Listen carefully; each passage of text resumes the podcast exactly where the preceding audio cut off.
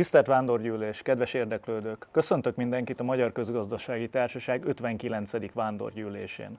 Az informatika szakosztály immár több mint tizedik éve rendezi meg a szekcióülését, ez lesz az egyik panelbeszélgetés, amivel várjuk a kedves nézőinket, mivel ugye online lesz az idejében is a Vándorgyűlés.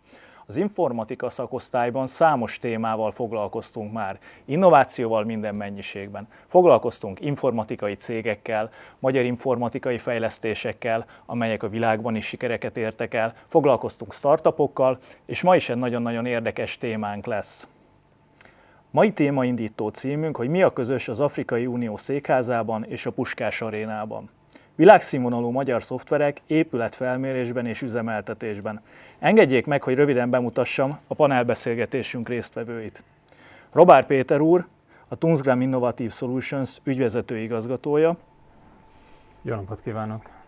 És Korbúj Ádám, az ortográf, technológiai vezetője és az Archie ingatlan üzemeltetési rendszerek alapítója. Szeretettel köszöntök mindenkit én is hogy kicsit személyessé tegyem az egészet, nekem mindkettő úriemberrel volt lehetőségem közösen már dolgozni. Péterrel több mint tíz éve dolgoztunk együtt, egy óriási magyar informatikai projektben, egy rendszerbevezetésben, és elmondhatom egyébként, hogy mindkettejüket személyesen is példaképemnek tekintem, és a pályámra óriási hatással voltak. Péter vezetői és projekt szemléletével, Ádám pedig a vállalkozói szemléletével. Én pedig Szűcs László vagyok, a Munsat Kft-nek az ügyvezető igazgatója, mi informatikai fejlesztésekkel és weboldalkészítéssel foglalkozunk.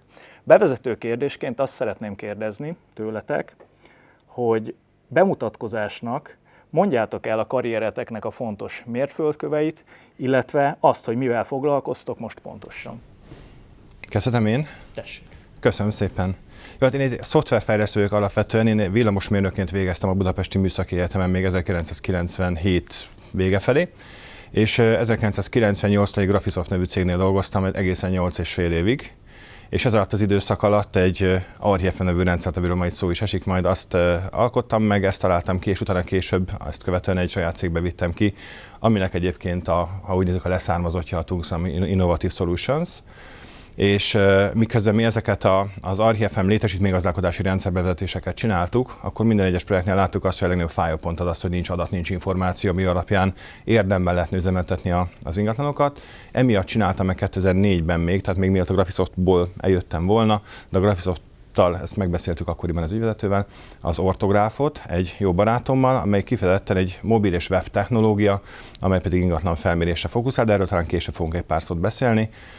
Ma már nem programozok, ha így nézzük, tehát ez a szoftverfejlesztési karrier ez idővel egyébként kiesett a dologban, mert sokkal inkább átvette az adminisztráció, inkább a, a termékstratégia meghatározása, a, a termék nemzetközi bevezetése, mert minden termékünket egyébként nemzetközi piacon vittük már akkor is sikerre, de hát az élet az ilyen, tehát az ember az mindig adaptálódik a lehetőségekhez. Köszönjük. Péter? Hát én programozó matematikus vagyok egyébként végzettségemet tekintve, illetve közgazdász is. Uh, ahogy előbb már említetted, egy nagy magyar cégnél uh, töltöttem körülbelül 10 évet, 11 évet az életemből, és utána következett egy uh, 5-6 éves külföldi kitérő, ahonnan uh, hát két évvel ezelőtt jöttem haza, ugye Ádámnak köszönhetően, illetve itt volt egy másik kolléga is, aki hazahívott, ha lehet így fogalmazni, és vállaltam el azt a megtisztelő feladatot, hogy a Tungsam Innovative Solutions-nek leszek az ügyvezető igazgatója. Nagyon sok mindennel foglalkoztam az eddigi pályafutásom során, és hogyha összeszámolom, ugye 94-től kezdtem el egyébként még akkor az OTP-nél dolgozni, több bankban dolgoztam, több magyar, illetve multinacionális cégnél dolgoztam, gyűjtöttem tapasztalatot, és hát ez egy nagyon-nagyon érdekes kihívásnak, egy nagyon, nagyon érdekes világnak tűnt, és én azt gondolom, hogy az elmúlt két év az bizonyította is, hogy ezekre a típusú megoldásokra nem csak Magyarországon, hanem egyébként külföldön is igen-igen nagy a kereslet, és én azt gondolom, hogy, hogy megtaláltuk azt a módját a kommunikációnak az ügyfeleinkkel, a partnereinkkel, amivel ezt további sikerekre vihetjük. Már a Tungsram szárnyai alatt egyébként. Azt szeretném kérdezni, következő kérdésként, hogy milyen szolgáltatást nyújtanak a cégek, és ez a kapcsolat is köztetek, hogy hogyan működik. Kezdem én, és alapvetően inkább az ortográfról fogok beszélni, bár az RHFM az épp úgy a gyermekem is épp annyira érdekel, de most az ortográfot képviselem elsődlegesen, és a Péter szerintem majd akkor az RHFM-mel azt a részt tovább ismerteti. A, már kicsit bevezetőben elmondtam, hogy a sztori az arról szól, hogy vannak nagy ingatlan állománya bíró cégek, bevásárlóközpontok, irodaházak, kórházak, egyetemek, akiknek tényleg komoly ingatlanállományuk van, és ebben, ezekben az ingatlanokban mindig valami történik. Ezek olyanok, mint egy élő organizmus lenne. Ez azt jelenti, hogy bérlők jönnek, bérlők mennek, karbantartásokat, felújításokat kell végezni, tervezni, meghibásodások jelentkeznek, amire valamilyen módon gyorsan kell tudni reagálni. És az RHFM az alapvetően az, ezen a területen indult el ennek a folyamatmenedzsmentjével foglalkozik, de erről majd a Péter mesél többet. Mi az ortográffal most arra fókuszálunk, hogy tudjunk adni olyan valós információt az épületről, ami épületinformációk alapján az épület üzemeltetése gazdaságosabbá tehető, jelentősen gazdaságosabbá tehető. Itt azt kell látni, hogy állati nagy pénzek mennek. Tehát egy ingatlannak, hogyha az életciklusát nézzük, akkor a, a tervezés, kivitelezés és utána a 30-50 évig tartó üzemeltetés, hogyha a költségvonzatait megnézzük, akkor azt mondjuk, hogy a tervezésre elmenne nagyjából 8-10% az ingatlan beruházási költségének, nyilván akkor 100 a beruházási költség, és a következő 30-50 évben elköltenek rá egy 5-10-szer annyi pénzt, mint amennyire megépítették. Na most, hogyha mi nem valós adatok alapján üzemeltetjük ezeket az épületeket, hanem csak hozzávetőleges információkkal, ami sajnos a jellemző a mai világban, hogy nem nagyon áll rendelkezésre kellő információ az épületekről. Még a alapterületében is 5-10 százalékos eltéréssel tudjuk, körülbelül ennyi az, amit mi üzemeltetünk, akkor, akkor ezek az eltérések olyan léptékű költségé, vagy olyan léptékű potenciálisan e megnyerhető költségé összegződnek, amelyek összevethetők az épület teljes beruházási költségével. Ezért mi az ortográfal azt mondtuk, hogy egy olyan rendszert készítünk, amivel végtelen egyszerű módon, tehát az azt jelenti, hogy nem kell hozzá magasan kvalifikált ember, és nem kell hozzá drága eszköz, hanem egyszerű távmérők, szolstokok mondhatnánk. Egyszerű eszközökkel képesek vagyunk felmérni az épületet, vagy technológiát alkotunk, amivel képesek a partnereink, vagy akár a felhasználóink, az akár az épület tulajdonosok is felmérni az épületeket, valamint egy leltárat készíteni ezekről az épületekről, grafikus leltárat. Tehát tudni fogom azt, előbb-utóbb a karbantartó közreműködése által is, vagy akár a kezdeti felmérésnél látható pontokra, hogy még hol van az épületben az a biztosíték, amelyet mondjuk vissza kell kapcsolni, vagy ki kell cserélni, hogy esetleg lemegy az épület egy részében az áram, vagy hol van egy mérőóra, aminek egyébként a leolvasásához egy megfelelő folyamatot tudunk felépíteni a felmérésből adódó adatokra, ami már egyébként az ArchiFM területe. Tehát ez azt jelenti, hogy mondjuk egy leltár során ellátjuk őket egyedi azonosítókkal, vonalkódokkal vagy RFID csipekkel, és a későbbiekben a munkafolyamatoknál elvárható lesz az emberektől, hogy az így felvett grafikus információk alapján nagyon gyorsan, nagyon könnyen megtalálják a karbantartási pontokat, és utána ezeket, amikor a munkavégzést megkezdik, akkor ezeket mondjuk leolvassák. Ezáltal tudjuk, hogy tényleg oda ment a karbantartó, és tényleg a jó eszközön végzi a munkáját. Hogy azt gondolom, hogy nagyjából érthető, hogy miért fontos az a, az, az adatgyűjtés, az az alkotás, amit az ortográfal mi csinálunk, és, és tényleg a, a, a a Operational BIM, amiről majd itt talán lesz később egy kicsit többet is szó, ez az üzemeltetési BIM, amit egyébként mi megalkottunk az ortográffal, az arról szól, hogy demokratizálni szeretnénk ezt az épület információt az épület üzemeltetés számára. Tehát ne fiktív vagy hozzávetőleges információk alapján történjen az üzemeltetés. És akkor átadnám a szót a Péternek, hogy kicsit meséljen a továbbiakról. Igen, hát ugye mi az RHFM nevű terméket fejlesztjük, tehát hogyha arról kellene beszélni, hogy, hogy milyen portékánk van, akkor egyrészt foglalkozunk ennek a terméknek a fejlesztésével, ennek a terméknek az értékesítésével. Foglalkozunk ennek a terméknek a bevezetésével, hiszen ez gyakorlatilag egy integrált vállalatirányítási területnek egy jól körülhatárolható részét fedi le, és erről mindjárt beszélek még egy kicsit illetve foglalkozunk ennek a, a bevezetett rendszernek a támogatásával. Tehát ez három viszonylag jól elkülöníthető csapat is a szervezeten belül. Ezek azok a szolgáltatások, illetve termékek, amiket a magyarországi és a külföldi partnereinknek nyújtunk. Ugye mit tesz lehetővé, mit támogat az RHFM rendszer? Egyébként, amikor én hazajöttem és beszélgettünk arról, hogy archiefem és ortográf, az én fejemben az volt, hogy ez annyira egy dolog, hogy ezt egyébként egy cégben is kellene csinálni, majd meglátjuk, hogy a jövő egyébként mit, mit hoz, hiszen ez nagyon-nagyon szorosan kapcsolódik egymáshoz ez a két terület. Visszatérve az RHFM-re, ez egy, ez egy úgynevezett CAFM rendszer, Computer Aided Facility Management, aminek két jól uh, körülhatárolható területe van, és ez a két jól körülhatárolható területhez nyújt üzleti folyamat támogatást. Ugye ezért mondtam, hogy ez egy integrált vállalat irányítási rendszer rész. Ez a két nagy terület egyébként az ingatlan gazdálkodás, tehát ahol abból indulunk ki, hogy mink van, mi az, ami, ami a portfóliónkban van, és hát nem titok, hogy van olyan magyarországi ügyfelünk, akinek találtunk plusz épületet, plusz szintet, tehát hogy elképesztő sztorik vannak szerintem az Ádám tarsójában is, meg az enyémben is. Ezekhez kapcsolódóan támogatunk olyan folyamatokat, mint a bérlőknek a kezelése, vagy az energiagazdálkodásnak bizonyos területei. És a létesítménygazdálkodás az pedig úgynevezett soft és hard FM területeknek, folyamatoknak a támogatása, lágy és kemény FM folyamatoknak a támogatása, amiben egyébként a takarítás menedzsmenttől az őrzés-védésen keresztül a tervszerű megelőző karbantartásokig számos folyamat található. És mindezt tesszük azért, mindezt biztosítjuk azért az ügyfeleink számára, ahogy az Ádám is mondta, hogy a végén megtakaríthassanak ahhoz képest, amiük van. Ugye kétféleképpen lehet alapvetően elérni, vagy a meglévő erőforrásaikkal tudnak jobban gazdálkodni, hatékonyabban tudnak gazdálkodni, ezért többet tud ez a meglévő erőforrás nyújtani, ahhoz képest, amit ma nyújt, tehát egy hatékonyságnövelés van, vagy pedig költséget lehet csökkenteni azáltal, hogy mondjuk a karbantartás ra szakosodott alvállalkozóink tevékenységét konszolidáljuk, azt az adat vagyont egyébként, ami egy ilyen külső FM cég által biztosított tevékenységbe létrejön, azt behozzuk vállalaton belőle, hiszen itt az adat egy nagyon-nagyon komoly érték, gondoljunk bele, hogy miért. Talán erről is beszélgetünk még későbben.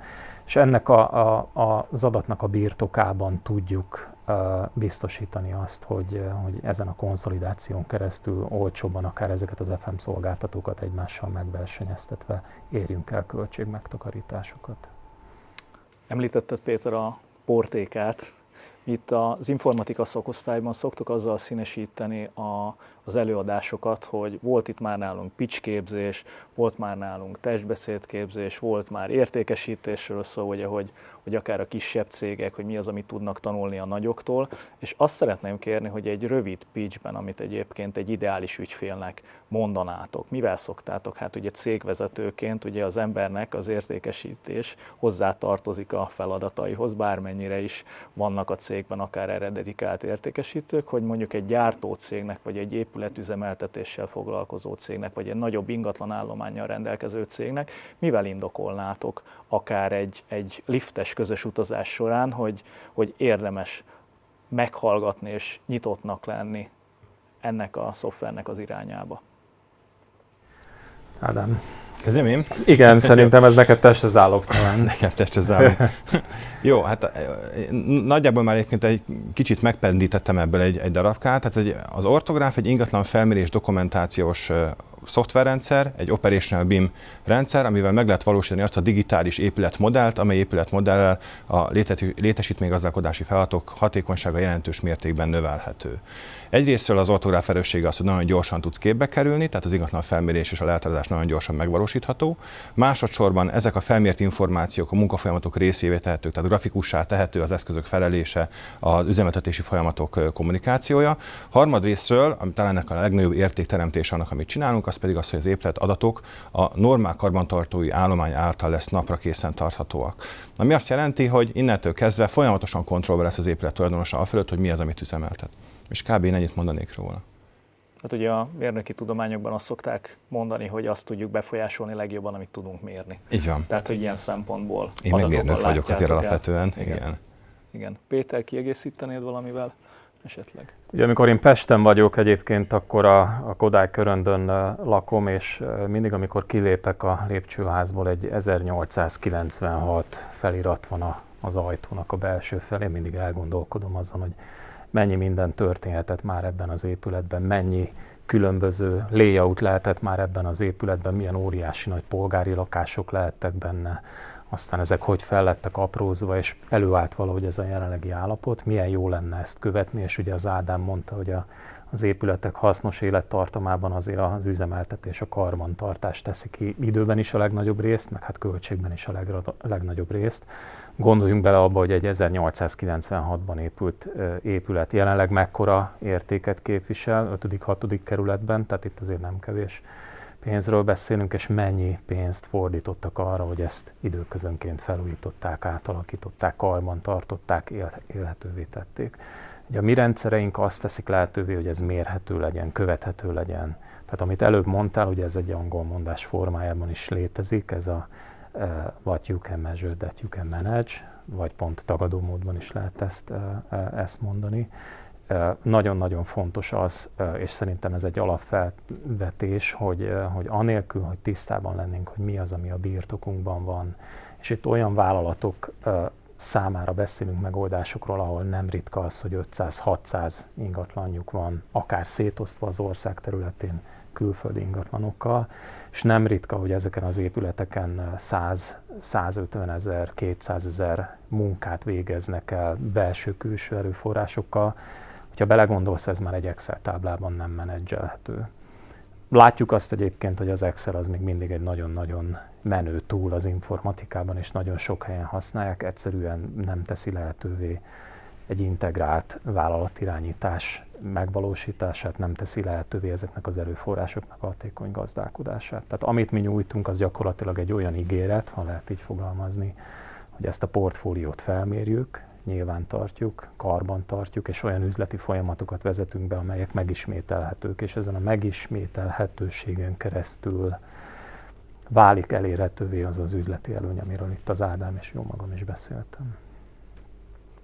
Én is jó magam informatikus vagyok, de ez az épület létesítménykezelés, az épületmenedzsment, én azt gondolom, hogy sokáig egy alulreprezentált iparág volt az informatika szempontjából szolgáltatóként. Egyrészt ezt meg tudjátok erősíteni, mert ilyen szempontból én laikus vagyok, másrészt pedig azt szeretném kérdezni, hogy, hogy miért izgalmas egy szolgáltatónak ez a, ez a terület?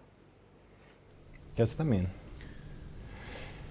Kezdjük először ott is, hogy, hogy, hogy mennyire áll ez rendelkezésre, vagy ez miért csak most történik. Tehát a, a, az ortográffal azt az érdekeset tudom mondani, mert egyébként büszke is vagyok, hogy, hogy nincs hasonló rendszer a világon pillanatnyilag állati bonyolult ennek a technikai megvalósítása. Tehát eh, ahhoz, hogy mi az ortográfot meg tudjuk csinálni, kellett az a tizen sok év FMS tapasztalat, amit az archfm megszereztem, hogy tudjam, hogy mire van szükség, mint információ, mire van szükség, mint adatra a rendszerből. Kellett hozzá egy olyan tapasztalat a srácok részéről, hogy tudják, hogy kell kezd szoftvert fejleszteni, hogy kell mindezt ráadásul mobil eszközön megtenni, és egyébként web támogatással is, tehát egy újabb harmadik terület is bejött, hogy kell ezt olyan enterprise levelre felvinni, tehát olyan nagy, nagyvállalati szintre felvinni, hogy akár sok ember érhesse el, stabilan, biztonságos adatkezeléssel, és a legvégén, hogy kell ezt megmostani, hogy ez integráltan működjön más rendszerekkel. Állati bonyolult egy ilyet megcsinálni, és épp ezért például a, a, az operational beamnek, ennek az üzemeltetési beamnek azért mondom a demokratizálását, mint célunkat, mert ma mindenki azt gondolja, hogy ezt nem lehet. Ez elképesztően drága, elképesztően drága napra készen tartani, ezért inkább maradjunk valami félig meddig alfanumerikus, félig meddig elektrikus adatoknál, meg majd az FM szoftverbe valahogy beletömködjük az adatokat. Tehát de nagyon nehéz történet van az egész mögött. Ez, ez, ezt én úgy élem meg egyébként néha, hogy, hogy mi evangelizálunk most. Tehát mi azt mondjuk, hogy eddig lehetett valahogy csinálni, de higgyétek el, feleim, ezt lehet jobban is csinálni, és itt van az eszköz a kezünkben, próbáljátok ki. Nem egyszer kapom meg a bemutatók, hogy de nekem azt mondták, hogy ezt nem lehet, most meg látom működni. Ú, tehát ez, ez, ez egy tipikus dolog. E, ez volt az a része, a válasz arra, hogy, hogy miért van ez, miért nincs technológia. A, a másik oldalról pedig a, a piacon egyre inkább az a tudás kezd összegyűlni, ami már túlmutat azon, hogy, hogy mit és hogy javítsunk meg, hanem szeretnénk ezt minél jobb gazdaságossággal megtenni. Mert a, igenis a, a, az épületek reprezentálják egy cég működésében, vagy az ingatlan üzemeltetés reprezentálja egy cég működésében a másik legnagyobb költséget a bérköltség után. Tehát a bérköltség után az épületekre költünk a legtöbbet, vagy a bérleti díjra, mindegy, minek nevezzük, így is úgy is ott landol. Ha mi ezen a tételen tudunk egy hatékonyabb üzemelést elérni, tudunk egy gazdaságosabb munkafolyamat csoportot felépíteni, mert ha jobban tudom üzemeltetni az épületeimet, akkor ezzel olyan léptékű költséget tudok megtakarítani a cégnek, ami már a cég produktív tevékenysége mellett is látszik. Egyrésztről, Másrészt nagyon sok esetben, és ez emiatt az FM egy kicsit alulértékelt is, mert még erre nem mindenhol jöttek rá, nagyon sok esetben az FM által a produktív tevékenység is sokkal jobban tud működni. Tehát nem fognak leállni itt a gyártócsarnokban a berendezések, a bevásárlóközpontban kompetitíve, versenyképesebb leszek a másik bevásárlóközpontban, mert világos van, nem fél árnyékban mászkálunk, mint ami néhány esetben megesik, mert egyszerűen jobban üzemeltetik a, az épületeket. És mindeközben ez megoldható úgy is, hogy ne, ne jelentsen költségnövekedést azáltal, hogy jobban organizáljuk a folyamatainkat. Péter? Ugye itt az alulreprezentáltság volt a kérdés, és én, én ezzel kapcsolatosan azt gondolom, hogy, hogy a 2000-es évek elején a Graphisoft ugye elkezdett ebben a, a BIM-ben gondolkodni. Lehet, hogy akkor még nem BIM-nek hívták egyébként, hogyha megnézed a Wikipédia oldalt, a Graphisoft cég neve ott van, hogy ő az egyik evangelista, ahogy az Ádám is említette Szerencsére elég sok cég van a piacon, aki ezt a, ezt a BIMES területet megfelelően marketingeli, és a szükséges információt eljuttatja a piaci szereplők számára. Ilyen cég vagyunk egyébként mi is. Én úgy látom, hogy, hogy Magyarországon, hogyha az FM piacot nézzük, és alapvetően nekünk két csoportra osztatók az ügyfeleink. Egyrészt ugye a nagy ingatlan portfólióval rendelkező vállalatok, akiknek 5-600-700 ingatlanjuk van, és házon belül erre van egy FM csapat, akik külsős FM cégekkel akár dolgoznak, és ezeket valamilyen módon, valamilyen minőségben kezelik. És a másik nagy csoport pedig ezek a külsős FM cégek. Tehát, hogy nekünk van olyan ügyfelünk, ahol egyébként az ügyfél is Arhi FM-et használ, meg a külsős FM cég is Arhi FM-et használ, sőt van olyan cég, ahol három külsős FM cég is Arhi FM-et használ, tehát mindenki mindenkivel találkozik. Én azt látom, hogy ezek a, a, az FM szolgáltató cégek elértek egy akkora méretet ma Magyarországon, és most itt neveket nem említek, nyilván nem erről szól ez a mai fórum, ahol az ő további növekedésükhöz, eh, ahhoz, hogy ezt hatékonyan, költséghatékonyan meg tudják tenni, szükség van olyan szoftverekre, amiket mi forgalmazunk. Azt látom, hogy a BIM a tervezésben ma már gyakorlatilag napi szinten jelen van. Vannak olyan nagy létesítmények, és ugye itt a beszélgetés témájában vagy címében is benne van a puskás, ahol a BIM alapon készültek el az, a, az építészeti, gépészeti tervek, és ezeket mi konszolidáltuk és töltöttük be egyébként az Archifm-be.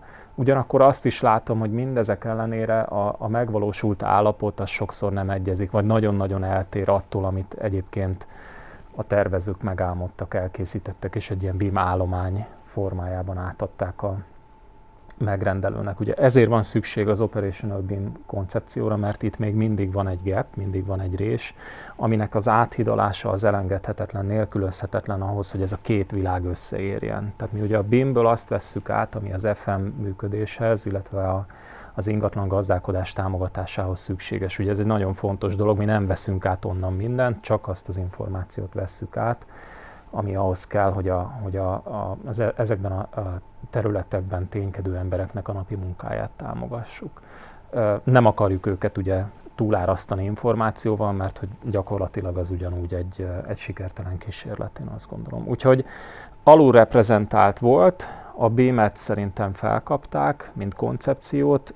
Azt látjuk tőlünk nyugatra, keletre, hogy ez tökéletesen működik. Ebben egyébként már a construction is benne van, tehát akár olyan példákat is tudok mondani, hogy azt látják egy BIM modellben, hogy az építkezésen dolgozó nehéz gépek éppen hol vannak, melyik sorszámú, mikor volt utoljára karbantartva, kidolgozott rajta utoljára, tehát hogy ezt már elvitték, nem azt mondom, hogy a végletekig, de más-más dimenziókat is beleraktak. És látom azt, hogy Magyarországon is ez most már egy nagyon-nagyon kúrens téma, és azt gondolom, hogy pont jó időben vagyunk ahhoz, hogy ezt, ezt meglovagoljuk, és azt a szükséges támogatást megadjuk az ügyfeleink számára, ami, ami, ami szükséges. Közgazdász vándorgyűlés révén Ugye számszakilag is megszoktuk nézni a dolgokat, illetve hát a nézők között is azt gondolom, hogy elég sok pénzügyekkel foglalkozó szakembert köszönhetünk majd. És azt szeretném kérdezni, hogy mondjuk egy cég pénzügyi vezetőjének, egy FM cégnek a pénzügyi vezetőjének mi az, amivel meg lehet indokolni, hogy ők megtérülést néznek, ők TCO-t néznek, ők nagyon sok számot néznek, amikor egy ilyen bevezetésről döntést kell hozni. Tudtok olyan sikersztorit, vagy olyan, olyan konkrét ígéretet, hogyha ezzel a szóval éltünk, ugye itt a pitch kapcsán is említeni, ami, ami nekik meggyőző lehet? hogy miért érdemes egy ilyen bevezetésbe belevágni? Hát elsőlegesen ők a legizgalmasabb célközönség, amikor egy ilyen operational BIM rendszer, akár az RFM-ig bezárólag értékesítésre kerül, mert, mert ez róluk szól. Tehát az operational BIM bár építészetszerűen hangozhat, meg alaprajzi felmérésről beszélünk, ez egy, ez egy pénzügyi rendszer. Itt konkrétan arról beszélünk, hogy hány négyzetméter, milyen minőségű, milyen burkolaton van. A szobában, lábazati felületek, a falburkolat felület, milyen anyagokból van. Tehát ha én egy átépítést, egy felújítást akarok csinálni, akkor instant kapom meg a rendszerből azt, hogy mibe fog ez nekem kerülni. Vagy hogyha megtörtént egy kivitelezés, vagy megtörtént egy felújítás után, hogy kiküldöm a kollégámat, és megnézem, hogy valójában mi valósult meg. Amit a Péter is ugye említett, hogy, hogy eltervez az építész valamit, és a valóság utána ezt, ezt kicsit átalakítja és, és egész más, hogyha úgy, szám, úgy számolok el az alvállalkozóim, hogy körülbelül tudom a dolgokat, vagy azt tudom, hogy pontosan ennyi valósult meg, pontosan ilyen anyagokat építettél be, pontosan ilyen berendezéseket. Itt gond nélkül 10-15% költségcsökkentés már elérhető, tehát ez alapvetően pénzről szól. A pénzügyi vezetők számára ugye két irány is van. Ugye mindig szeretik az, azt az emberek, hogyha instant megtérülés van. Tehát, hogyha valamit elkezdünk, akkor már lássuk egyből a, az eredményeket. Már lehetőség szerint, amit beleraktam, az egy pár hónapon belül jön is vissza. Tehát azt mondom, hogy egy olyan épületállománynál, ahol tervben van véve, hogy majd felújítanák, ott, ott már el kell kezdeni például az ortográfos felméréseket csinálni, mert már abban a pillanatban az ortográfos felmérések alapján tudom számolni azt, hogy mi az, amit valóban fel kell újítsak. Itt szoktunk találni sok százaléknyi olyan épületészt, amit az utóbbi egy-két évben valahogy felújítottak, de nincs nyilván tartva, nem tudják. Tehát ott ilyenkor globálisban azt az egész épületet, vagy az épület szárnyat felújítanám. Ehelyett, hogyha van egy ortográfos modellünk, meg tudjuk mondani, hogy azt a 11 ot azt ne piszkáljuk meg még bottal sem, mert az már rendben van. Már sokszorosan megtérült a felmérés teljes egészében, mint ugye Ownership, amiről beszéltünk. És egyébként van egy olyan állományom, amiből el tudok kezdeni tovább üzemeltetni is. Tehát mondjuk egyrészt tudok tendereztetni, akár az épület felújítására, akár ha már egy állóépületről beszélünk, akkor annak még a takarítását meg tudom tendereztetni, a bérbeadásához pontos négyzetmétereim vannak, át tudom nézni, hogy hogy néznek a területek, és meg tudom nézni, hogy hol tér el jelentősen mondjuk a bérleti szerződéstől a valós terület, és nyilván ezt az ember tudja rendezni. Tehát itt elsőlegesen azt mondom, hogy az egész operational BIM, mint egy pénzügyi dolog, pénzügyi megközelítésű épület adat. Ami mérnöki köntösben ami van mérnöki csomagolva. köntösben van csomagolva, ezt jól mondtad, így van. Ez, ez az adat, ennek a legnagyobb értékteremtése az a pénzügyi igazgató felé, meg az ügy, a, a vállalat tulajdonosa, vagy a döntéshozói köre felé van, inkább a tulajdonos felé azt mondom, mert, mert ők ö, direkt mondhatnám azt, hogy profitot tudnak ebből termelni. Tehát új szolgáltatásokat is nyilván lehet építeni. Fontos dolog még az, hogy az egész BIM koncepciónak az alapja, hogy a Péter mondta, hogy, a, hogy már kivitelezés során is használják. Ez az épület, ez a BIM, ez a Building Information Modeling azt jelenti, tehát épület információs modell. Ez, ez nem csak az üzemeltetésre jó. Az üzemeltetés az, aki direktbe azonnal profitot tud ebből termelni. De ez nagyon sok más terület is ebből tud értéket teremteni. Tehát ha én most azt mondom, hogy egy Shardesk irodát szeretnék csinálni, tehát uh, valahogy majd leülnek a kollégák, és szeretnék egy feladatot, ahol lehet kattintgatni és bérelgetni, hogy éppen melyik uh, irodarész szabad, melyik rész foglalt, ezt látom grafikusan, akkor ennek egy nagyon egyszerű eszköz, hogy ugyanezt az BIM modellt, amit az üzemeltetés is használ, és napra készen tart, ezt a modellt elérhetővé tesszük egy integráción keresztül mondjuk a, a Shared Desk Management alfanumerikus bérleti rendszerhez, amelyik egyébként a számokat tudja, a potenciális bérlőket tudja nyilvántartani, a számlázás felé jelzi azt, hogy éppen ki mennyit és hogy használt az irodából, vagy egy meeting room management. Tehát, hogy, vagy, vagy egy épület automatizálási rendszer, ha most az energiahatékonyságot szeretnénk javítani, akkor ugye az RHFM-ben beköthető információ az mondjuk, hogy melyik épületrészeken van igazán élet. Tehát mondjuk az egyetemnek melyik részein van most oktatás, melyik részei azok, ahol ahol le lehet kapcsolni mondjuk a, a fűtés vagy világítást, mert már mondjuk egy pénteki napon nem lesz oktatás, és az egész hétvégére akkor nem kell az épületet végig klimatizálni vagy, vagy világítani. Tehát ez azt jelenti, hogy ha van egy épület automatizálási rendszerünk is, akkor mint egy ökoszisztémában az archívembe érkező információk alapján ezt a fizikai valósághoz kötve az ortográfon keresztül nagyon egyszerűen gazdaságosabbá tehető, úgyhogy egyébként senkinek nem fáj az, hogy most nem hűtenek azokban a szobában, ahol nincs senki. És erre mondtam azt, hogy, hogy egy jobb, hatékonyabb üzemeltetés által a pénzügyi vezető is tisztán látni fogja azt, hogy az ügyfélelégedettséget nem érintve, vagy adott esetben még javítva is, de a költségeimen vágtam. Tehát ez azt jelenti, hogy az ő számukra a kulcs megoldás az, amit, amit mi itt készítünk az ortográfal is, és alapvetően az Archifem is erről szól. Igen, hát ugye beszélgettünk arról, hogy két ügyfélcsoport van, egyrészt a nagy ingatlan portfólióval bíró vállalatok. Ugye ott az alapvető kérdés egy ilyen beszélgetésben, hogy és egyébként hogy tudod ezt hatékonyan menedzselni, hogyha nincs egy bármilyen hasonló rendszeret, tehát honnan tudod, hogy mit van. Tehát egy kicsit ilyen tyúk, tojás szerintem már azért a mai világban. Talán arról még nem beszélgetünk, hogy, és ez nem egy olyan egyszerű kérdés, hogy miért van szüksége az embernek egy okos telefonra, mert hogy szerintem ezeket nem kell indokolni, hiszen ma már annyira része az életünknek.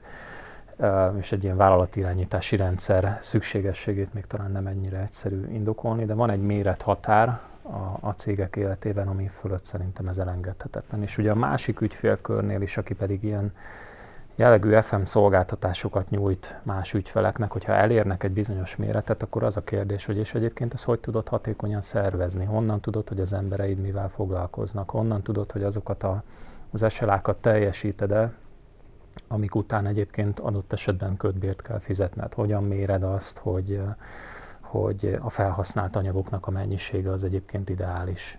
Nem használtatok-e fel többet vagy kevesebbet, honnan tudod, hogy a raktárkészletedben azok az anyagok vannak, amik szükségesek ahhoz, hogy a 2-4-6 órás rendelkezésre állási szinteket tartani tud. Tehát szerintem előbb-utóbb ezek a beszélgetések egy olyan közös nevezőre e, jutnak, ahol a természetes módon merül fel az igény a cégek életében arra, hogy valamilyen megoldást használjanak, és mi ezt próbálnánk minél inkább egyébként alkalmazkodni. A weboldalunkon egyébként, és szerintem az Ádámékon is uh, található számos hasznos anyag, ami konkrét számokkal, konkrét megterülés kalkulációkkal, konkrét területeket kiemelve mutatja azt be, hogy az ortográf vagy az RIFM rendszer hogyan és milyen mértékben képes egy hatékonyabb működést támogatni.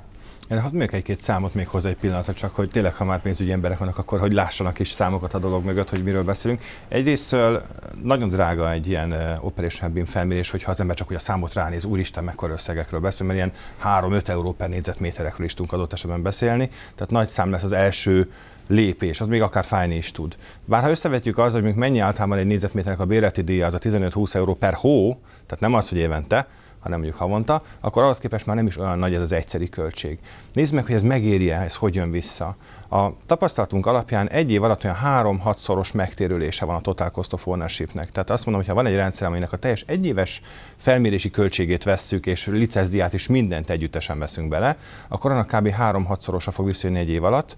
De hogyha ezt három évre vetítjük, ugye azt jelenti, hogy már nem kell mindig újra felméregetnem, hanem egyszerűen túl vagyunk rajta, hanem már csak a running cost van, amelyeket fenntartom, napra készen tartom, amit egyébként jó részt a meglévő állományjal meg tudok tenni, akkor a szám ez pillanatok alatt ilyen 13 és 20 közé tud menni. Tehát 13-20-szoros megtérüléséről beszélünk, annak ez egyébként nem kicsi összegnek. És ezért mondtam azt, hogy ez egy, ez egy kulcs Momentum egyébként egy cég üzemeltetésében egy nagy ingatlan tulajdonos számára, mert nagyon nagy számok tudnak visszajönni a másik oldalon. Tehát az, amit mondtam, hogy ez alatt a 30-50 év alatt ez fel tud kumulálódni az épület teljes beruházási költségével összevetető nagyságrendű összegé. A másik, amit szeretnék egy érdekességet mesélni, ugye azt mondom, hogy ez több mindenre felhasználom, mint épületüzemeltetésre és az ügyfelektől tanulunk mi is folyamatosan. És például a gyártóipari szegmensben tanultuk az egyik ügyfelünktől, hogy náluk egy nem tervezett leállás óránként az nagyon durva összeg. Tehát most itt ilyen millió eurókra kell gondolni óránként egy nem tervezett leállásra amit hogyha le tudunk mondjuk azzal vágni, és ugye egy ortográf archívfem együttállásnál ezt le tudunk abból vágni, hogy mikor a karbantartó már egyből tudja, hogy hova kell menni egy, karban, egy, egy meghibásodást, de egy, egy szenzorból érkező alatt, még egy túlnyomás, vagy túlhőmérséklet esetén a helyszíre kiérni, tehát hamarabb oda tud érni. Adott esetben a munkát elvégzi gyorsabban, vagy akár megelőzni is meg tud egy, egy, egy nem tervezett meghibásodást, akkor ezzel sokszorosa megtakarítható annak, mint amennyi egy rendszernek a, a teljes birtoklási költsége jelent. Tehát mi csak most tapogatjuk, még így nyílik meg a világ előttünk, hogy ezzel az operational beam egyébként sokkal nagyobb lehetőségek vannak, mint mi az elején egyébként azt elképzeltük. Nagyon sokszor az jutott eszembe, hogy, hogy hogy az amerikai filmekben ugye az van, hogy elkezdődik a film, és akkor így rázumolnak egy konkrét épületre a földbolygón. Én viszont most azt szeretném kérni, hogy, hogy ezt a témát én azt gondolom, hogy nagyon jól körbejártuk, és hogy egy kicsit tágabb perspektívában folytassuk a beszélgetést, hiszen itt, itt szerintem mindenki magára ismert olyan szempontból, hogy, hogy az épületekkel kapcsolatban, amelyek a, a cégeinknek a tulajdonában vannak, itt, itt van szerintem bőven mozgástér fejlődésre és informatikai fejlesztésre lehetőség. De viszont azt szeretném kérdezni tőletek, hogy, hogy a magyar piac, a magyar piac hogy áll ebben? Hogyha így az országot nézzük, épületüzemeltetés informatikában. Neked adnám a szót. Én azt gondolom, hogy ha FM-et nézünk, akkor, akkor ez egy viszonylag telített piac. Mm, elég jó a verseny rajta, és, és szerintem az RIFM azért a az élbolyban halad a versenyzők között. Szintén ugye a weboldalunkra utalnék, és ott meg lehet nézni azokat a referenciákat, amiket a magyar piacon gyűjtöttünk az elmúlt 20 évben, 15-20 évben.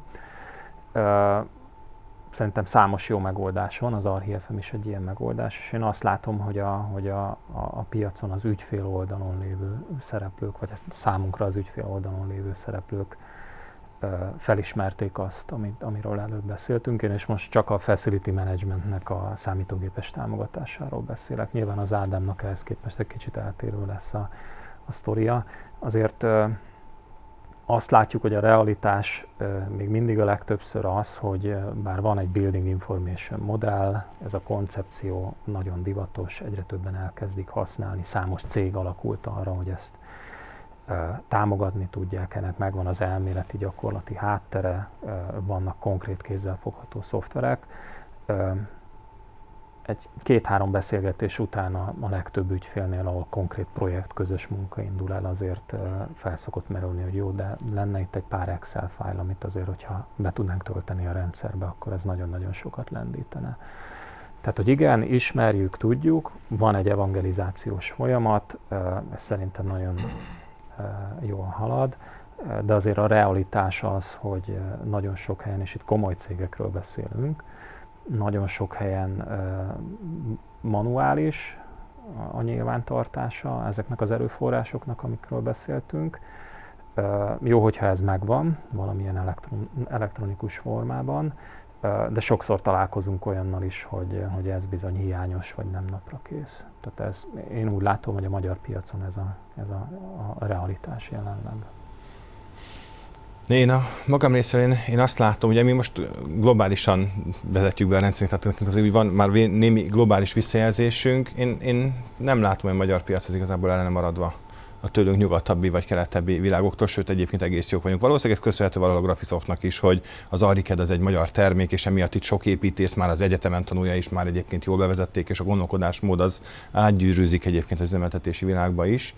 Tehát az egy, az egy jó dolog. Ellenben a másik oldalról azt mondhatom, hogy amilyen szépen tervezésnél használják a, a, a BIM-et, annyira ez az épület dokumentáció nem léte, ez itt is teljes mértékben fennáll. Egy holland cégnek a, a CTO-jával tárgyaltam egyszer egy együttműködésre, és akkor ő mondta azt, hogy a, a, ők a piacnak 2%-át tudják elérni, mert annak van bármi nemű elektronikus dokumentáció az épületekről, 98%-nak nincs. Az ortográffal végre lehetőség lesz ezt a 98%-ot is elérni. Egyébként milliárdos cégről beszélünk egy a másik oldalról, tehát elég nagy lehetőségek vannak ebben a, a dologban. Ez mikor is volt? Hány éve? Ez tavaly. Ez tavaly nyári. Tehát ez ez nem egy régi információ, ha így nézzük.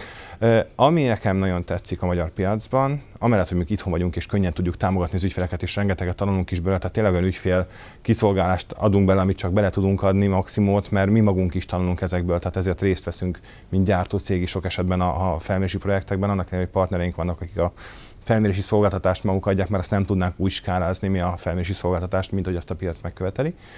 De azt látom, hogy a, a, a magyar emberekben van egy nyitottság az újra. Tehát én azt gondolom, hogy a PropTechre önmagában egyébként van nyitottság. Én nagyon sok állati értelmes facility managerrel, pénzügyi igazgatóval, CEO-val, tehát ügyvezető igazgatóval találkozom, akik azt mondják, hogy hát Ádám, magyarázd meg nekem, hogy ez miért éri meg. És amikor elmagyarázom, hogy ez pénzügyileg hogy éri meg nekik, akkor azt mondják, hogy jó van, akkor ugorjunk bele. Tehát nekem még az RHFM-mel nem volt jellemző az, hogy még fél évnél nagyon gyorsabb projekt eladás az lehetett volna, de inkább azt mondom, hogy az fél év, egy év, vagy még akár másfél év is előfordulhat egy kezdeti kapcsolatfelvételtől egy, egy kézbecsapásig.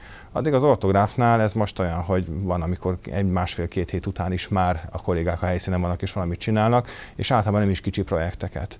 Mert nagyon gyorsan látszik a, a, a dolog megtérülése. Tehát sok esetben az ügyfél mondja azt, hogy srácok, hát, hát ketyeg az óra, tetszik, amit hozhatok, mikor tudtok kezdeni? És mondom, hogy hát jövő héten, és mondja, hogy hát nem lehetne még a hétvégén most valaki, hogy kimegy, csak ezt a pici részt, mert azt már akkor tudnánk tendereztetni egy, egy felújításra. Volt egy ilyen úgy, úgy nagyon vicces volt az egyik kórház komplexum egy budi felújítási projekt, állati vicces volt az elnevezése is. Arról szólt, hogy szerették volna a vizes blokkokat felújítani nagyon gyorsan és, és ott volt konkrétan egy ilyen példa, hogy, hogy az ügyfélel megállapodtunk, és már másnap valakinek mennie kellett dolgozni, mert már a hétvégére kellett adatokat adni, majd másnap felhívtak napközben, hogy de ha van rá mód, adjunk már valami információt most is, és persze volt mód, hogy az ortonátnak az erőssége, hogy, hogy amit csinálsz, az azonnal kész eredményt, kész terméket eh, állít elő, tehát kész éppen dokumentációban a, a felmért részre és, és állati sikertörténet lett egyébként ez is innentől kezdve. Tehát én erre azt tudom mondani, hogy, hogy Magyarországon én egy kicsit sem szégyenkezem, hogy, hogy itt élünk és itt vagyunk, mert, mert nem vagyunk rosszak a, a világhoz képest. Az egy jó dolog, hogy mindenki szeretne ezzel a világban másút is előrelépni. A pénzügyi lehetőségek én nekem úgy tűnik, hogy nyugatabbra némely esetben könnyebbek, de még abban sem panaszkodom, azt gondolom, mert a megtérülés miatt itt is ki tudja mindenki számolni, hogy neki ezzel érdemes foglalkozni. Örömteli hallani egyébként, hogy Magyarország jól áll, és két nagyon komoly nemzetközi tapasztalattal rendelkező informatikai szakember is ezt erősíti meg, úgyhogy ez az információ mindenféleképpen nekem, nekem egy újdonság, és, és nagyon örömteli.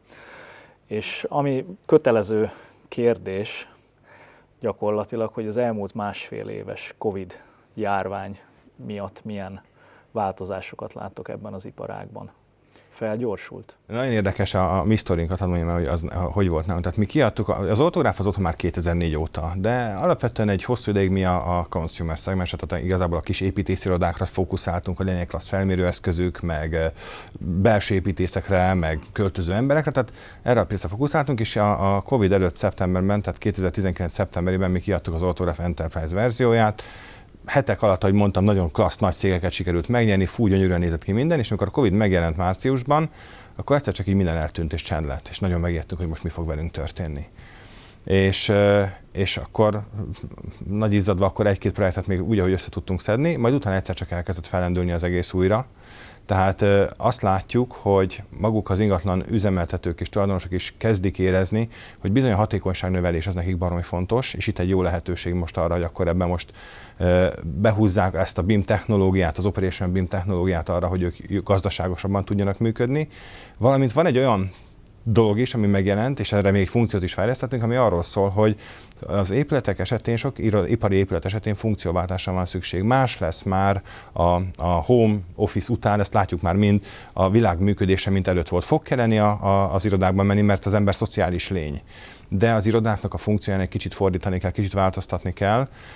Sokkal inkább a közös munka, a, a, az érték, közös értékteremtésre kell fókuszálni, mint sem csak az, hogy a, a kontroll miatt ott jön benn Kati vagy Miklós, és nézzük meg, hogy na, hogy dolgozik, és a kezére csapjunk, hogyha éppen a YouTube-ot nézegeti. Ennek nyilván más eszközeit kell használni, és már valószínűleg ebben sokan váltottak is.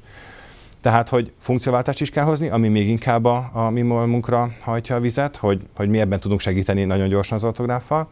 Valamint egy olyan funkciót csinálunk most, amely funkció egyébként a, a Tungstrom ILX együttállásából egy, az ő, ő, ő segítségükkel egy ilyen pályázati konstrukcióban tudtunk rá egy kis pályázati pénzt szerezni, amelyel grafikusan a rendszer azonnal jelzi egy iroda berendezésénél, hogyha az adott távolság, tehát a minimum leci, mondjuk 1,8-2 méter távolságot nem tartja be az ember az irodabutól, vagy az iroda berendezésén, akkor bepirosodnak dolgok, hogy na itt kell még valamit rendbe rakni.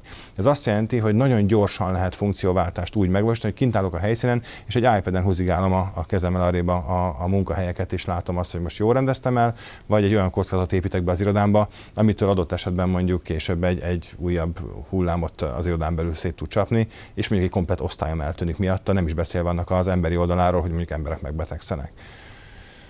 Tehát nálunk ez ilyen szempontból a végére pozitívként jött ki. Még egy érdekeset hadd mondjak, az pedig az, hogy nagyon online-osodott a világ az üzleti kommunikáció szempontjából. Tehát nekünk most pillanatnyilag teljesen mindegy, hogy most a szomszéd utcába, a szomszéd kerületbe, vagy a szomszéd kontinensre demózunk, vagy tárgyalunk egy ügyféllel, mert a másik oldal, az ügyfél oldal is megszokta azt, hogy online tudunk, és úgy kell leüljünk, és ezáltal olyan döntéshozókat is el tudtunk érni, akiket egyébként én azt gondolom, hogy nem tudtunk volna csak rettenetes hosszú folyamatok árán, nagyon nagy költségek árán, konferencián győzködve, időpontot egyeztetve, kiutazva, átállva, aklimatizálódva, és azt az egyórás meetinget, amit mondjuk meg kell vele tartani, ennek a, a körülötte lévő három-négy napos utazási és, és átállási költségeit mind félredobva egy óra hatékony tárgyalásra tudjuk most lecserélni. Ezt én is meg tudom erősíteni. Péter? Igen, hát a digitalizáció az nagyon felgyorsult. Egyrészt ugye bejött a gyerekeken keresztül ezekben a távoktatási rendszerekben, és ezen az egész ország közösen tanulta meg, hogy hogy kell Teams-en keresztül matekórán részt venni, meg, meg hogy nézzük meg, hogy a gyerek megcsinálta a házi feladatát. Ez nyilván a mi iparágunkra is rányomta a bélyegét, és azok a digitális megoldások, amiket mi gyártunk, szerintem előtérbe kerültek. Realizálták az emberek, hogy egy ilyen digitalizáció rendkívül fontos és elengedhetetlen. Sajnos ez a pandémia erre rávilágított, hogy, hogy sosem lehet tudni, hogy mi fog történni az elkövetkező negyed évben, vagy akár az elkövetkező hónapokban. Lesz-e következő lezárás, ki tudunk-e menni az otthonunkból, tudunk-e találkozni a kollégáinkkal, az üzleti partnereinkkel. Megerősítem azt, amit az Ádám mondott, tehát iszonyatosan leegyszerűsödött a, a kapcsolattartás lehetősége, akár egy projektben, vagy akár egy, egy sales folyamatban az ügyfelekkel, a partnerekkel, mindenki ráállt erre, és én azt gondolom, hogy ez kellő hatékonysággal működik. Azt látom, hogy ugyanannyi idő alatt egyébként több munkát tudunk elvégezni, mert hogy ezek a, az utazással, tipikusan utazással telő időszakok, ezek nagyon-nagyon lerövidülnek, vagy teljesen kiesnek. Hogyha az RHFM-ről beszélünk, akkor, akkor pedig nekünk szerencse a szerencsétlenségben, hogy a, hogy a, a, a Covid időszaka első felében rengeteg olyan cég volt, aki a leállások, illetve az otthon maradási kényszer miatt elővették azokat a karbantartási munkákat, azokat a felújítási munkákat, amire előtte nem volt idejük. Tehát tervszerűen le tudtak állni gyárak, gyárüzemek, és, és a leállás alatt a, a munkáknak a vezérléséhez, a munkáknak az irányításához olyan megoldásokat használtak, mint az RHFM, vagy ennek a mobil megoldása, ami egyébként mobil terepi munkavégzést támogat. Tehát, hogy nekünk egy kicsit szerencsénk volt ezzel, és nem estek vissza egyáltalán az értékesítési számaink, sőt a, a, a Covid ellenére nőni tudtunk két számjegyel.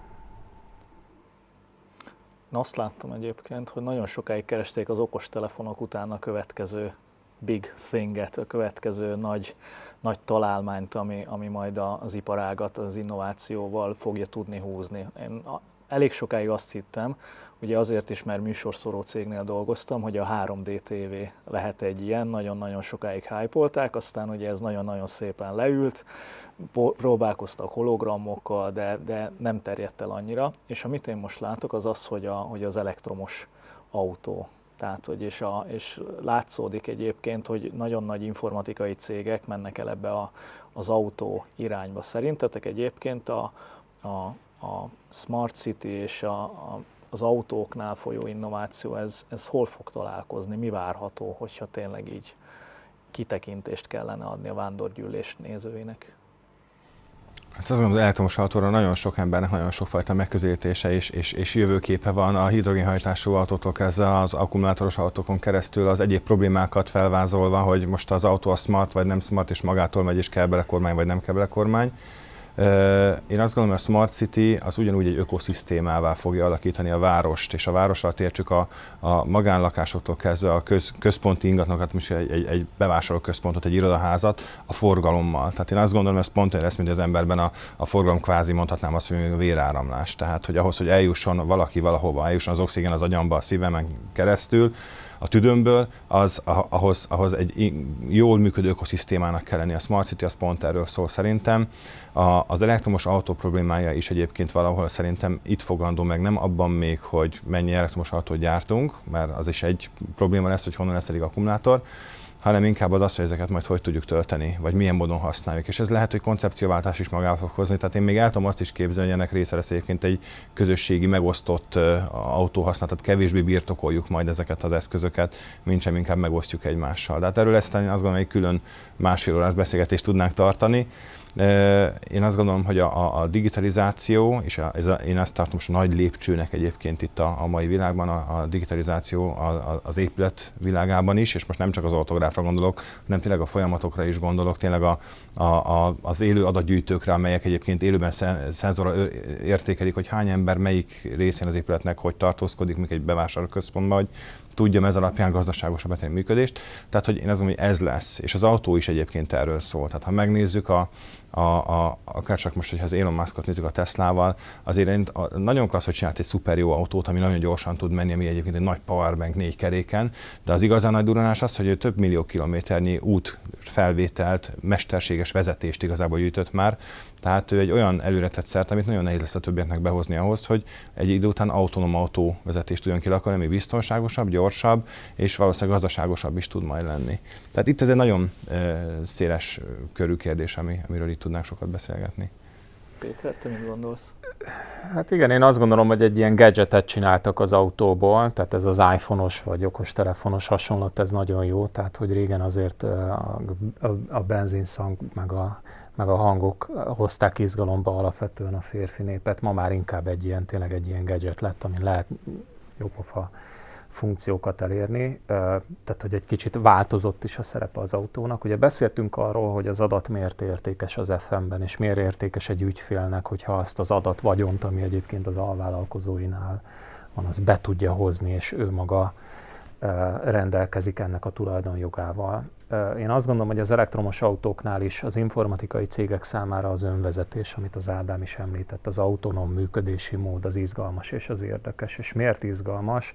Mert ha belegondolsz, egy elektromos autó olyan mennyiségű szenzorral rendelkezik, amivel is, iszonyatos méretű adattömeget rögzít másodpercenként a környezetéből.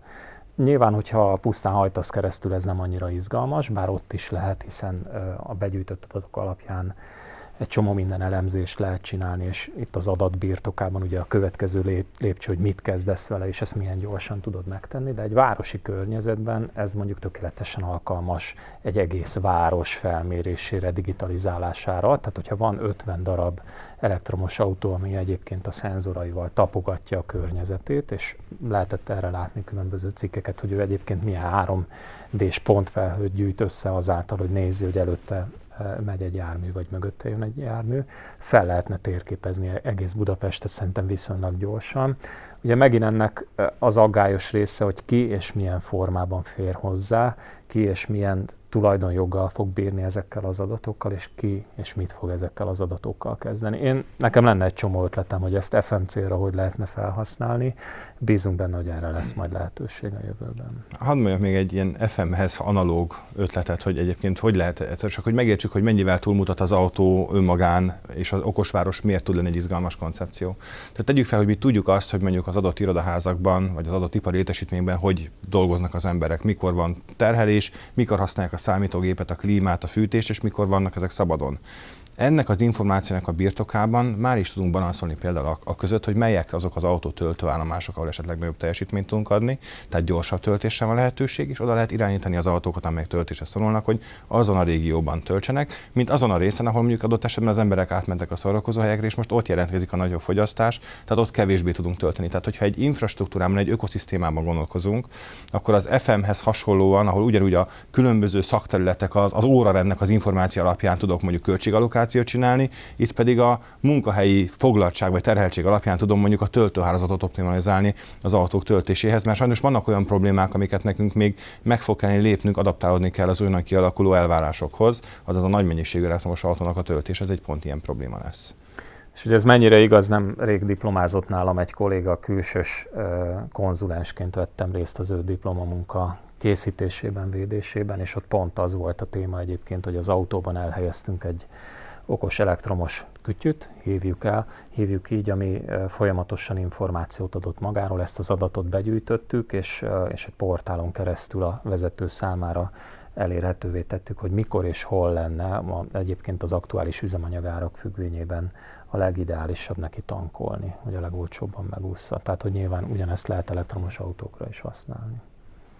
És kik fogják tudni ezeket a az új kütyüket, ezeket az új lehetőségeket életre hívni. Ugye a nagyvállalatoknál a tűzerő, a kisebb cégeknél, a startupoknál meg a gyorsaság. És hát a kettőnek a kombinációja az mennyire működik, akár a ti esetetekben. Hogyan néz ki ez az együttműködés, hogyan lehet ezt a jó szinergikus működést kialakítani? Figyelj, ez egy érdekes dolog. Most a világ már ilyen szempontból kicsit meg is változott, tehát a, a, ahogy jól mondtad, a, a kis cégekben lehet nagyobbat kockáztatni. Ott abban ezért nagyobb novumok tudnak születni sok esetben, mint egy nagy cégben, mert az egyrészt az ember a saját pénzét kockáztatja, vagy a befektetői pénzt kockáztatja, ezért jó nagy ostorolást kap, hogy valamit tudjon felmutatni, a másik oldalról pedig ezáltal olyan gárdát hoz be, akinek a kreativitás, akinek az alkotás az egyébként szerves része a napi működésének. A nagy cégek emellett, vagy ennek kapcsán igazából már nem úgy működnek, mint nagy cégek, hogy na, én vagyok a nagy, és te kicsi, ha most mit akarsz, hanem igenis egyszer magasságban kezelik a kis cégeket. Tehát én is nem egyszer van, hogy milliárd eurós éves forgalmú cégeknek a CEO-ival, tehát ügyvezetővel ülök le tárgyalni egy asztalhoz, és teljesen egy szemmagasságban tudunk egymással tárgyalni, és állapodunk meg egy közös fejlesztésről, hogy ez meg is történt egy pár év egyébként egy hatalmas svájci céggel nálunk mert, mert nekik is szükség van erre a, a, az újításra. Nyilván, ha valami jó ötlet nagyon felpörög, akkor ezeket általában megpróbálják valahogy megvenni, hogy ezáltal egy olyan piaci szegmesre tudjanak szertenni, egy olyan megoldásra tudjanak szerteni, amivel megelőzik a konkurenciáikat. Tehát itt igazából megy a vadászat a, a nagy és újító ötletekre, ami valójában a kis cégekből ered, a nagy cégek részéről, mert, mert egyszerűen hatékonyabban tudnak újdonságokat megalkotni én azt gondolom, hogy most ez egy nagyon szép szinergia, és, és az a generáció, aki remélhetőleg egyébként jó részt ezt a felvételt, vagy ezt a beszélgetést meg fogja most élőben, vagy, vagy felvételről hallgatni, ők elgondolkoznak, hogy talán most pont abban a korban vannak, amikor még a legkisebb kockázattal tudnak beugrani valami újításba, amivel a világot jobbá tudják tenni, versenyképesebbé tudják tenni az ő saját értékteremtésüket. És végül, Péter? Én is azt látom egyébként, hogy a nagy cégek nyitnak a kisebb cégek felé, nyilván ahol szignifikáns R&D forrás áll rendelkezésre, mint például annál a cégnél, ahol közösen dolgoztunk, ott azért házon belül is elég komoly kísérletezgetés folyik, és ebből azért előáll egy-egy kvantum számítógép, tehát amit azért egy startup nem biztos, hogy össze tudna önmagától rakni de amikor külföldön éltem és dolgoztam, számos hekatont rendeztünk bankokkal közösen, akik behívták ezeket a startupokat, felmérték azt, hogy mi van és mi érhető el a piacon, milyen szürke állomány áll rendelkezésre, és előteremtették azokat a finanszírozási formákat, amivel a, a jó ötleteket, vagy a számukra kellően jó ötleteket támogatni is tudták. Tehát azért attól a a, a, a dologtól, hogy, hogy egy-egy startup fel tud fordítani fenekestől egy iparágat, azért attól én azt gondolom, hogy már talán nem félnek annyira, megtanultak ezzel együtt élni, és létrejöttek azok a szinergiák, amiket az Ádám is előtt említett, hogy azonos szinten kezelik a startupokat, és nem fenyegetésként, hanem lehetőségként tekintenek rájuk, és azt nézik, hogy hogyan lehetne együttműködni hosszú távon. És akkor végül Puskás Aréna, focis példa. Éppen most vannak a világbajnoki selejtezők, és Ádámmal tegnap megbeszéltük, hogy, hogy Péter fogja lőni a gólt, vagyis a 11-est, így az utolsó kérdéssel, és azt szeretnénk, hogyha megosztanád velünk a téma felvetésünknek a feloldását, hogy mi a közös az Afrikai Unió székházában és a Puskás arénában. Hát először is ugye az a megtiszteltetés ért bennünket, hogy, hogy mind az Afrikai Uniónak a székházát, és mind pedig a Puskás stadiont RIFM rendszer is irányítja, vezérli. Lehetőségünk volt egyébként külföldön is, meg Magyarországon is bizonyítani a, mindazt, amiről eddig beszéltünk, hogy ez valóban elérhető és kézzelfogható eredményekkel szolgál egy ilyen rendszernek a bevezetése. Mind a kettő új épület, és azt gondolom, hogy a maga párjában példaértékű épület, mind a Puskás stadion, és akinek volt lehetősége ott meccseken részt venni, az nyilván személyesen is ezt megtapasztalhatta, mint pedig az Afrikai Uniónak a, a székháza az egy, az egy vadi új projektnek az eredménye. Én bízom benne, hogy ezeket a, ezeket a, a projekteket és ezeknek a projekteknek a sorát sikeresen fogjuk tudni bővíteni a közeljövőben közösen az ortográffal, közösen a Tungstrammal, közösen azzal a magyar know-how-val, aminek olyan példaértékű ö, ö, szereplői vannak, mint a Graphisoft, a Prezi. Tehát, hogy az én személyes ambícióm az, hogy ebbe a sorban üljünk fel, és bennünket is majd egyszer úgy emlegessenek, hogy hát az Arief, meg az ortográf, meg a Prezit, meg tudod, volt ott egy ilyen Arhiked. Úgyhogy én ezzel zárnám a a mai megbeszélést. Köszönöm szépen. Nagyon szépen köszönjük Robár Péternek és Korbuly Ádámnak a mai nagyon-nagyon inspiráló beszélgetést, azokat a gondolatokat, amik én azt gondolom, hogy felemelőek, hogy a magyar szoftverfejlesztés is világszínvonalú cégeket tud kiszolgálni nagyon-nagyon magas színvonalon. Köszönöm szépen, és szeretném megköszönni a nézőinknek is, akik az utolsó perchez értek az 59. Magyar Közgazdász Vándorgyűlésen. Köszönjük a megtisztelő figyelmüket, és találkozunk legközelebb jövőre. Köszönjük, Köszönjük a lehetőséget! Szépen.